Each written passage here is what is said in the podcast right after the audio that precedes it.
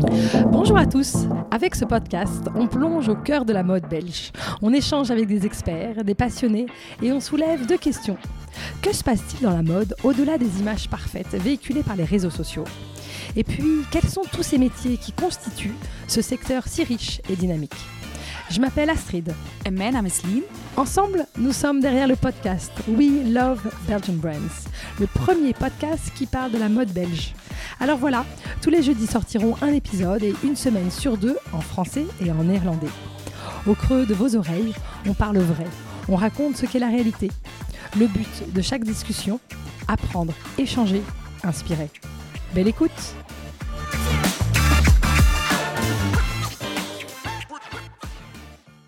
Bonjour à tous, aujourd'hui j'ai l'honneur d'avoir une femme extraordinaire à mon micro. Il s'agit de Gloria Barudi Vasquez, la directrice générale de Nathan. Nathan est l'une des plus belles maisons de couture en Belgique. C'est vraiment une référence dans le secteur. C'est bien plus que la maison qui habille les reines, les princesses, par Edouard Vermeulen, un designer de talent, un homme charismatique. Non, Nathan c'est aussi une marque moderne qui sait se réinventer de saison en saison et qui reste fidèle à une identité très forte, une qualité irréprochable et des coupes parfaites. Avec cette rencontre, j'aimerais en savoir plus sur Nathan, mais aussi et surtout sur Gloria. Car Gloria, je vous trouve très inspirante. Vous êtes vraiment un modèle pour moi en tant que femme qui arrive du Chili, de, parents euh, réfugiés politiques, en tant que directrice générale, en tant que femme avec des ambitions et en tant que mère. Sur votre Instagram, vous ne manquez pas une occasion d'encourager les femmes, de les mettre en valeur, en avant et de les faire briller avec vous. Je me sens vraiment honorée de vous avoir euh, à mon micro aujourd'hui et je me réjouis de cette rencontre. Gloria. Moi aussi. Alors, je commence toujours par cette première question. Qui es-tu, euh, Gloria? Et que rêvais-tu faire quand tu étais enfant? Alors, euh, mon nom, tu l'as déjà dit. Mhm. Moi, je suis née au Chili. Pardon, excuse-moi. euh, en 1973, on va Ouais, dire. c'est ça. À la 73, française, ouais. 73. Tout est possible. Mhm. de, de parents chiliens. Euh, J'ai grandi en Belgique parce que mes parents ont dû quitter, euh, dû à la dictature, le pays. Et j'ai grandi à Leuven, donc ma, ma première langue est le néerlandais. Ouais. Et euh, j'ai gardé l'espagnol avec mes parents aussi. Et petite, je rêvais d'être comme mes parents, donc médecin, faire un travail humanitaire. donc voilà. Super. Et tu as des souvenirs encore du Chili? Euh, de bébé, non, Non. mais, mais j'ai eu de la chance de commencer à visiter le Chili quand mes parents pouvaient y retourner. Donc moi j'avais 12 ans, c'était le premier voyage qui était impressionnant. Ouais, et à 12 ans, c'est encore un chouette âge pour. Ouais, euh, ouais. Donc je compte peut-être y aller avec Louise, maintenant ma fille, euh, Ah, cette année. Elle et a ce 8 ans. sera une première fois pour elle? Pour elle, ouais. Ah, super, à 8 ans. À 8 ans. Ah. Et elle parle espagnol, donc elle parle espagnol, Ah. donc euh, avec mon mari, euh, elle parle français et avec moi je lui parle qu'en espagnol. Cool, génial. Euh, Est-ce que tu peux nous dire un peu, c'est quoi ton, ton parcours? Quelle étude t'as as fait? Et, euh, Mon parcours, donc j'ai fait mes, mes études en néerlandais, j'ai étudié sciences de communication à la VUB. Pendant mes études, je travaillais déjà dans le secteur de la mode. Donc je dis toujours que j'ai étudié les sciences de communication. Euh, un regret, c'est que j'ai jamais donné mon mémoire. Euh, donc je ne suis pas diplômée en sciences de communication. Donc ça c'est un peu un regret, mais je te dirais honnêtement que comme je travaillais déjà directement euh, pendant mes études aussi, euh, voilà, je suis, je suis, j'ai digéré ça. Mais C'est- pas un exemple à donner pour les jeunes euh, qui vont nous en, qui vont nous écouter. Il Non, faut mais bon, finir les l'expérience professionnelle t'a t'a embarqué, quoi. Oui, oui. Et, et alors, quelles étaient justement tes expériences Donc professionnelles? pendant, pendant l'Uni, je travaillais comme mannequin euh, pour, euh, pour une agence de mannequins. Je travaillais pour Monsieur Bacheret qui était agent du Benelux pour la marque Thierry Mugler. Ah, chouette. Donc là, c'était vraiment très très sympa et c'était les années 90, donc c'était super. Ouais. Et c'était déjà une rencontre avec des boutiques multimarques? Des boutiques multimarques. Ah. Donc il y a déjà des, des boutiques que je connais depuis, euh, Ah, depuis ces années-là. qui t'ont vu comme jeune fille mannequin Ouais, et qui te voient maintenant. Super. Et, euh, et, et pourquoi Nathan? Et depuis quand travailles-tu pour Nathan? Donc Nathan, ça fait, euh, oui, ça fait 18 ans. Donc euh, parfois on fait quand même la blague au bureau que c'est vrai que je suis un peu partie des, des murs. Euh, j'ai pas senti euh, les années passées. C'est impressionnant. C'est d'un côté aussi dû parce qu'on travaille dans le domaine de la mode. Ouais, Il faut sortir des collections tous les six mois et tout ça. Mais c'est aussi, je pense, parce que j'adore ça. Ouais. Je ne le vois pas comme un travail, je le vois comme une Mhm. passion. Euh, c'est vraiment quelque chose que j'adore faire. Et alors, est-ce que tu peux nous dire un peu plus, nous parler un peu plus de Nathan, justement? Donc Nathan est une, euh, est une maison de mode qui fête cette année ses 40 ans, Mhm. Qui a été créée, euh, la maison Nathan, donc je veux dire euh, la société qui existe aujourd'hui a été créée il y a 40 ans, le nom existait déjà. Ça a été créé euh, par Paul Nathan, et Mhm. Monsieur Vermeulen a repris la marque, le nom, euh, il y a 40 ans. Donc, Ok. Ça a commencé à Avenue Louis 158. Et après, ça a évolué en ouverture d'autres boutiques. Mais euh, le cœur reste vraiment Avenue Louis 158. Aujourd'hui, c'est vraiment aussi la, euh, la, la maison mère. C'est là où vous avez vos bureaux, vos on a le bureau, non, le showroom pas. Et on a surtout euh, le magasin couture. Oui, très bien. Et alors, est-ce que tu peux nous parler de ça, justement? Qu'est-ce qu'il y a? Couture, prêt-à-porter? Donc on a la couture, puis on a la, la collection prêt-à-porter qui se vend dans les autres boutiques Ouais. aussi. Donc euh, on a en tout euh, huit boutiques. Waouh Et, euh, et dans les autres boutiques, on, on vend surtout du prêt-à-porter. Il y a certaines boutiques qui vendent aussi de, de la couture. Super. Et donc, la couture, on est vraiment sur le sur-mesure, on imagine Sur les le robes... sur-mesure, euh, oui. Ok. Donc euh, ça, c'est Avenue Louise, c'est fait en Belgique. Là, c'est vraiment un service qu'on donne de sur-mesure, Ouais. euh, de création. Ouais. Donc euh, c'est, ça peut partir de la robe de mariée jusqu'à habiller une suite, la maman de la mariée, Ah, euh, génial. Euh, une tenue pour, euh, pour une festivité. euh, Et ça, voilà. ça représente combien de votre, de votre chiffre ou de votre Donc, activité quand on voit le, le business plan, le chiffre d'affaires, la couture représente 20%, le prêt-à-porter 80%. Cool. Et donc, le, les 80%, donc c'est ton, ton prêt-à-porter. Donc, ça, c'est dans des boutiques multimarques et dans des boutiques en propre. Oui. C'est les 8 boutiques dont tu parlais. Oui. Et qui sont où? Uniquement en Belgique ou? Non, donc on a à Bruxelles une boutique prêt-à-porter à Mhm. côté de notre boutique euh, couture, puis on a Gand, Anvers, Roulers, Le Zout, Ouais. et puis on a Amsterdam et on a aussi Paris. Cool, incroyable. Ouais, Ouais. belle euh, visibilité aussi à l'international. C'est quoi ton métier, euh, toi, aujourd'hui? Qu'est-ce que tu fais? Qu'est-ce que tu ne fais pas? Je fais, en fait, euh, quand j'ai commencé chez Nathan il y a 18 ans, j'ai commencé en tant que commercial. Mhm.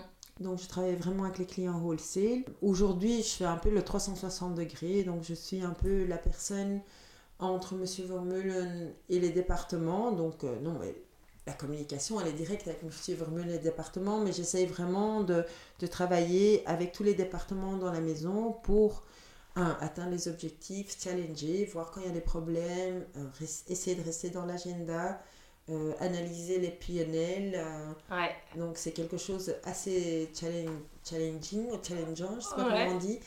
Et, euh, Vous êtes et combien? On est plus de 75. Ah ouais.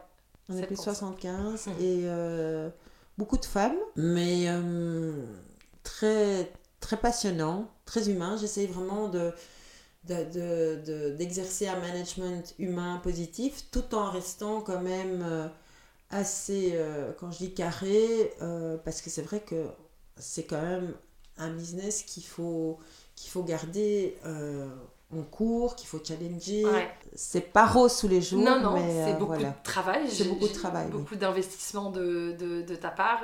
Heureusement que la passion est là. Mais Et- je suis très bien entourée. On a des équipes formidables. Ouais. Je dis toujours que le résultat qu'on a, c'est grâce aux équipes. C'est quoi les challenges d'une maison comme, comme Nathan aujourd'hui? Euh, c'est de, de garder en fait euh, le respect de l'ADN de la maison. Mhm. Donc même si on évolue avec l'évolution de la société, euh, la façon de consommer, on se rend compte aussi que les gens consomment autrement, qu'une femme aujourd'hui de 50 ans s'habille plus de la même façon d'il y a 20 ans, Mhm. que maman et fille veulent s'habiller pareil, qu'on Ouais. doit respecter la qualité euh, du patronage de notre produit, euh, la qualité de, des tissus, qu'on doit garder aussi euh, le service, mais qu'on doit aussi évoluer, donc on Ouais. doit essayer d'avoir une nouvelle génération. se faire connaître. Ouais. On, on essaie aussi, et ça, ça c'est depuis 2-3 ans que ça marche quand même assez bien, c'est que les gens nous voient autrement. Avant, souvent, on disait Ah non, mais je n'ose pas rentrer chez Nathan, c'est trop cher. Euh, ou je vais être habillée pour aller à un cocktail. Maintenant, les gens se rendent compte que, qu'on peut s'habiller tous les jours en Nathan. Moi, j'ai de la chance de, pouvoir m'habiller tous les jours en Nathan. J'ai pas l'impression d'aller à un bal. Euh, parce qu'on essaye vraiment de promouvoir aussi, euh, pas seulement l'ADN, mais la qualité. Mhm. Le côté intemporel, mais tout en respectant les saisons aussi. Qu'est-ce qui a changé le plus en termes de marché commercionnellement ces 18 dernières années, tu trouves? En termes de marché, c'est que euh, une cliente, que ce soit une cliente Nathan, même si elle est très fidèle, a accès à beaucoup plus de choses. Donc avant, elle, regardait le magazine ou elle avait quelques référents mm. Ou, mm. ou, tout ça. Maintenant, il y a, y a beaucoup de d'informations qui est donnée, euh, que ce soit le digital, l'Instagram, euh, les websites. Donc il y a une accessibilité d'informations qui est beaucoup plus, euh, plus grande potentiellement, mais qui a du bon et du mauvais. Je dis bien sûr. Ça, pour moi, c'est plus, plus positif que négatif dans le sens qu'on peut aussi acquérir d'autres personnes. Parce qu'avant, on devait faire autrement. Maintenant, on a vraiment une vitrine par le digital. Et pour moi, c'est quand même un peu le futur, même si dans notre propre boutique Nathan, et je pense aussi dans les multimarques en Belgique surtout, il y a cette expérience de boutique qu'on veut quand même respecter et garder, surtout pour un produit comme Nathan. Moi, ce que j'adore avec le digital, euh, c'est qu'on peut raconter des histoires. Et je trouve que c'est chouette de se dire que des vêtements, c'est plus que juste un produit. C'est aussi des histoires, des moodboards, des, des choses inspirationnelles. Et ça, c'est. Euh, ça, j'essaie de faire vraiment euh, par l'Instagram à mon nom moi par Nathan, parce que Nathan c'est plutôt une marque à l'image qui est jouée euh, et tout ça, mais moi j'essaye en, tant que, que Gloria, maman, mais aussi general manager, de, de, de montrer, de partager avec, euh, avec euh, les gens qui, qui, me suivent, parce que ça fait un peu hautain les gens qui me suivent, non, mais vers l'extérieur. Ta communauté. oui, mais vraiment les pépites qu'on a dans la maison, quoi. Bah, pour moi, c'est, merci. pour moi, c'est vraiment une, une. Il y a tellement de choses à, à, découvrir, à montrer, que ce soit les fittings, les équipes, un processus de, de production, de création, de couleurs. ce qui se passe Je découvre encore tous les jours qui se passe dans la vraie vie d'une femme et ce qui se passe dans la vraie vie d'une maison comme, comme Nathan et pour toi. Et de temps en temps, c'est vrai que je, je, montre des activités euh, que je fais avec Louise et j'ai beaucoup de chance qu'elle s'intéresse aussi. Elle adore venir au bureau avec moi le week-end. c'est super. Elle adore regarder les tissus, toucher les tissus. Quand il y a des tissus qui restent de, de collection, parfois elle, elle peut en prendre quelques-uns. Ah, alors elle, commence maintenant à, à, travailler avec la machine à, à coudre. Ah, donc euh, donc c'est chouette. Et, euh, et, voilà, mais je disais aussi tout à l'heure que c'est super important de, d'essayer de s'organiser. Ouais. comment tu fais d'ailleurs? Comment je fais? C'est que euh, j'essaie de respecter un planning quand même à la maison. J'ai énormément de chance que que Roberto, euh, mon mari, est beaucoup plus flexible que moi parce que lui, il travaille comme indépendant, donc mhm. son interaction, c'est lui et ses clients. Tandis que moi, c'est vrai que j'interagis avec beaucoup, beaucoup, plus de monde dans, dans, un cadre où ça doit se faire bien sûr. dans un horaire. Euh, mais quand je suis à la maison, euh, surtout maintenant, je bosse plus tellement le week-end, sauf si c'est des priorités, des urgences ou des events ou le showroom je, je suis là à la maison et j'essaye vraiment de séparer ça. Couper. Oui. Ouais. Couper, oui et non. Oui. je pense que la notion du travail, ma fille la connaît. Parce que ça, c'est important aussi parce que je trouve pas, et ça, c'est chaque personne qui est libre de le décider. Pour moi, euh, mon travail fait partie de ma vie. Ouais, bien sûr. Donc, euh, que, j'adore et je mm. pense que voilà, mm. ça peut. Je je pense que je suis un peu contagieuse euh, avec mon entourage parce que j'en parle de manière assez euh, positive et, et, sincère. Ouais, et je pense que c'est une, vieille idée d'avant de croire qu'on sépare euh, vie privée et vie professionnelle et que c'est plus du tout le cas. super, ça, ça, me fait un, un, pont parfait justement sur le fait que, comme je te l'ai dit en intro, je te trouve vraiment inspirante. Et, euh, et je me demande si tu as des conseils. Tu vois, moi, je rencontre pas mal de femmes qui peuvent avoir un syndrome de l'imposteur, qui peuvent vouloir euh, pas oser sortir des cases, rester bonne élève. Euh, et, du coup, est-ce que. Et, moi, je te vois comme une femme justement qui ose, qui ose avec beaucoup de, de, naturel et de, et de fluidité. Est-ce que tu as des, des, conseils à donner par rapport à ça? C'est marrant que tu dis que j'ose, parce que quelque part, je suis quelqu'un de, de d'assez réservé me concernant, mais j'essaye toujours. euh, je dis toujours que qu'on peut avoir des regrets si, des choses qu'on n'a jamais essayées Ouais. et qu'on peut essayer des choses tout en, en restant réaliste. hein, parce Ouais. que je veux dire, c'est super important euh, de croire en soi. Ça fait un peu une, une phrase bateau, mais, mais c'est important. Moi, par exemple, euh, j'ai eu des, du questionnement me concernant. Ah, mais Gloria, euh, elle est ambitieuse. euh, Quand est-ce qu'elle va avoir des enfants Quand est-ce qu'elle va se caser Et tout ça. Mais moi, j'avais en moi vraiment ce sentiment que j'allais être maman. Euh, La confiance, quoi. la confiance que j'ai beaucoup grâce à l'éducation que j'ai reçue de mes parents, surtout ma maman, euh, et, que, et que pour moi c'était une chance de, de travailler euh, et que j'adorais ce que je faisais, que ce Ouais. soit Nathan ou même avant. Ouais. Mais tu vois, ça, je trouve ça hyper inspirant. Comment tu as confiance? Alors, l'éducation, c'est évident. Est-ce que tu aurais d'autres idées, d'autres types, d'autres conseils Ben, preneuse. mais de, de, de oser, ok, parce que bon, on voit ça, hein, oser, be bold, euh, non, non, non.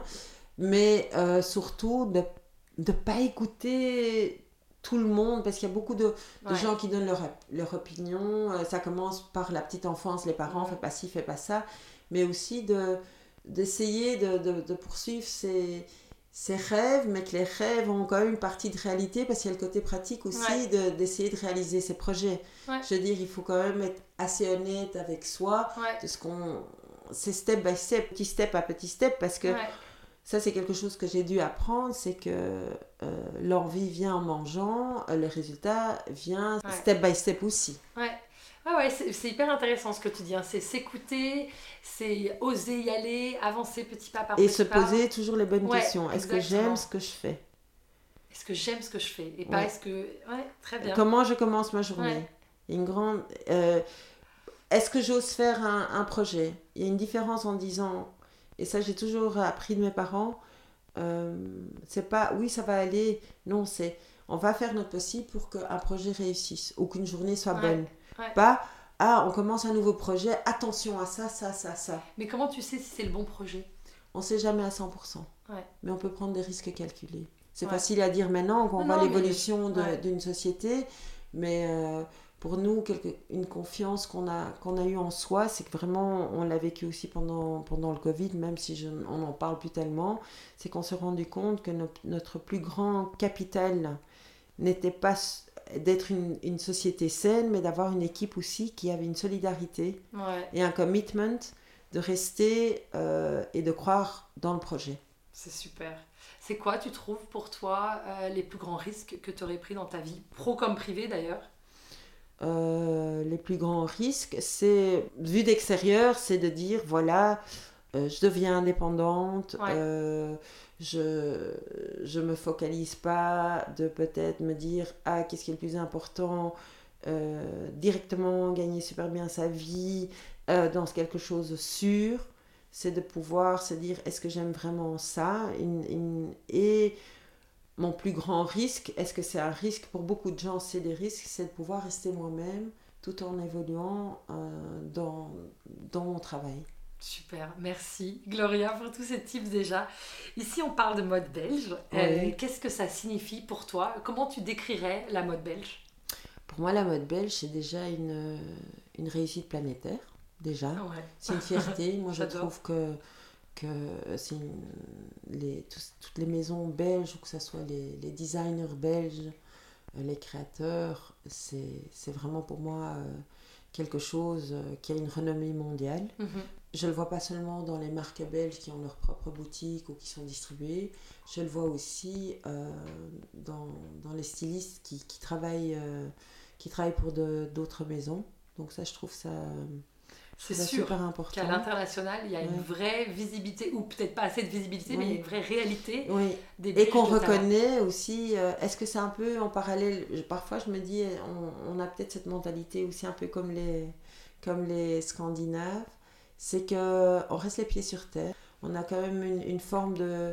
de, de- une forme D'humilité? D'humilité, Mmh, oui, mmh, je trouve ouais. ça quand même important.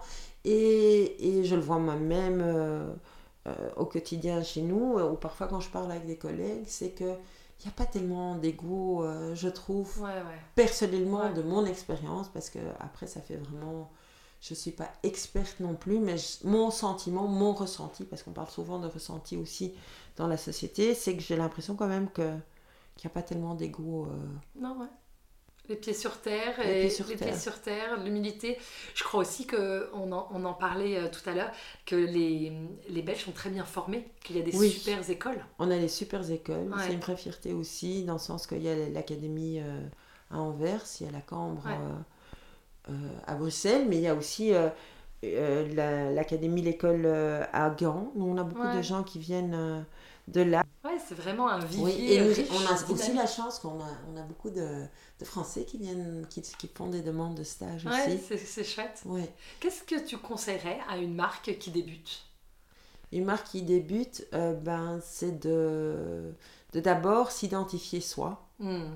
c'est de, de, de voir, voilà, c'est toujours facile de dire qu'il faut faire un business plan, mais avant de faire un business Ouais. plan, de voir où on veut être dans un an, deux ans, trois ans, c'est d'abord essayer de, de créer les valeurs de, de sa marque.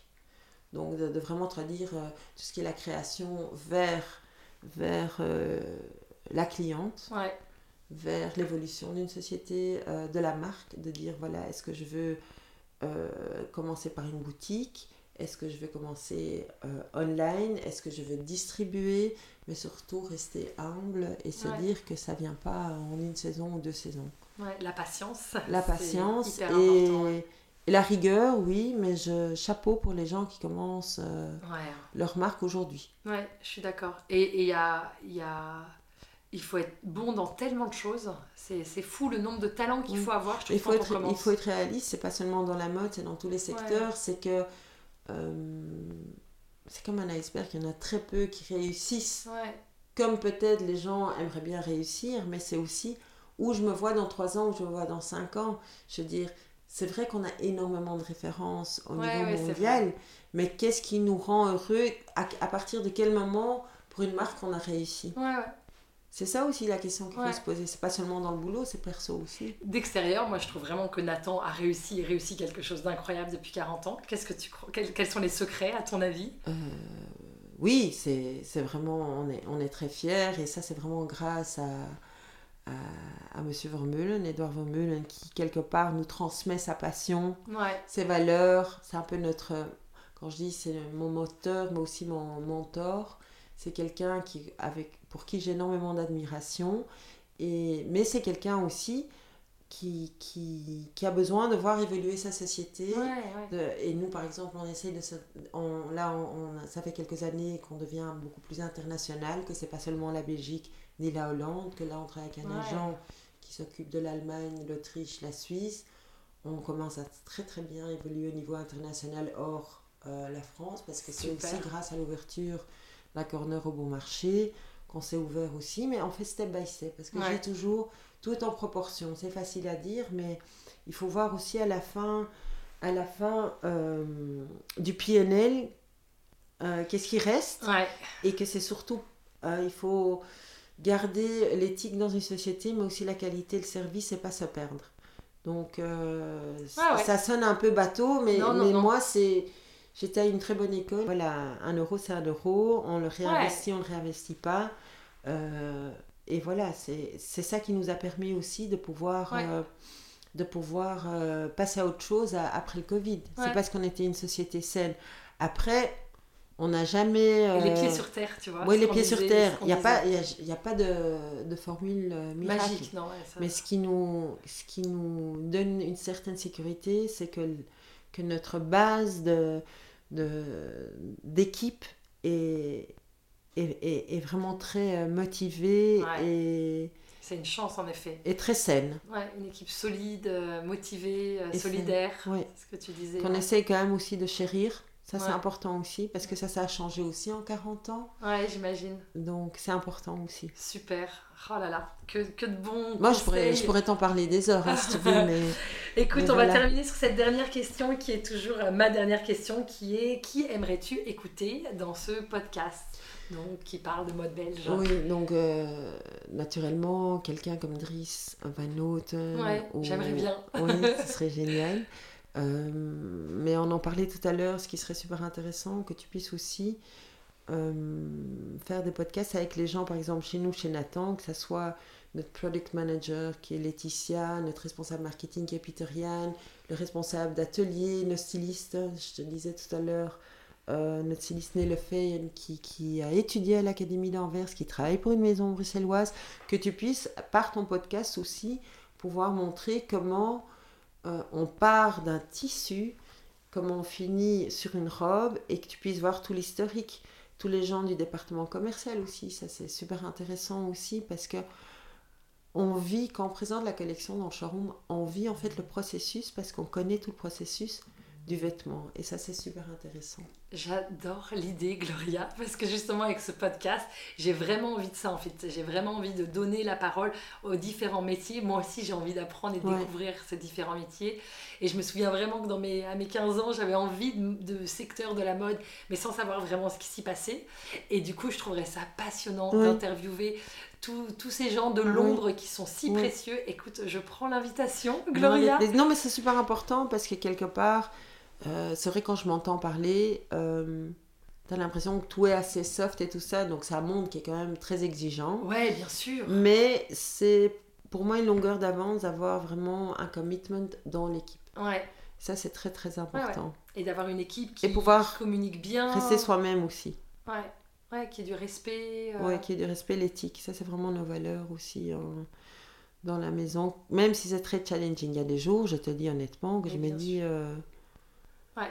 Mais dans la mode, t'as pas le choix. Hein. tous, les, tous les six mois, tu dois arriver avec un résultat bien précis. C'est pas seulement une collection que tu dois livrer pour présenter au wholesale, mais tu dois en même temps avoir ta production qui est là en temps et en heure. Ouais, absolument.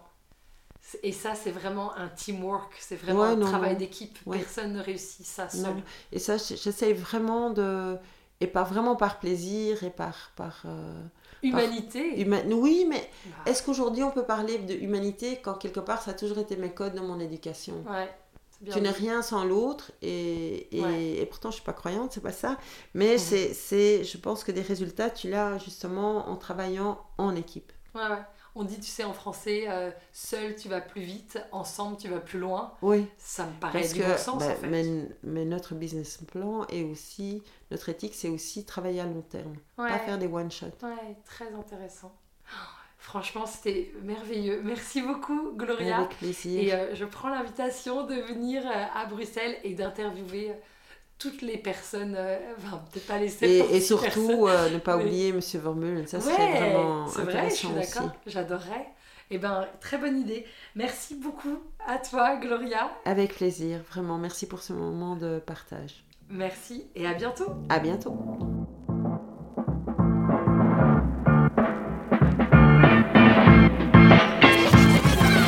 Merci beaucoup d'avoir écouté cet épisode jusqu'au bout.